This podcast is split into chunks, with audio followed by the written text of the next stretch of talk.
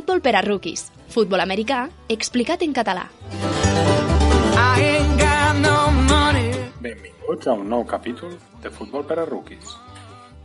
Avui us parlaré del salary cap o espai salarial.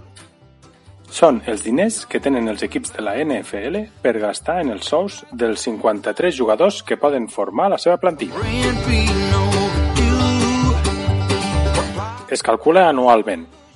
Primer, es sumen tots els ingressos que té la Lliga, televisions, entrades, màrqueting, drets, anuncis, etc. D'aquí, el 48% es destina als jugadors. Una part als beneficis, que són les pensions, assegurances i altres avantatges pels jugadors i exjugadors fora del sou.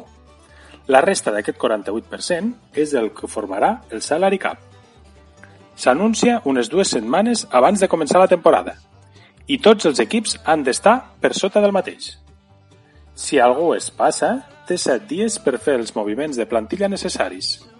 I si no ho aconsegueix, la Lliga ho arreglarà en els següents 7 dies fent fora les últimes incorporacions. Juntament amb el draft, és una de les mesures més importants a l'hora de, la, de que la NFL sigui una competició tan igualada i on és tan difícil crear dinasties guanyadores molt més habituals en altres esports. Penseu que dels 32 equips de la NFL, 28 han jugat com a mínim una Super Bowl, sent 20 d'ells campions almenys un cop.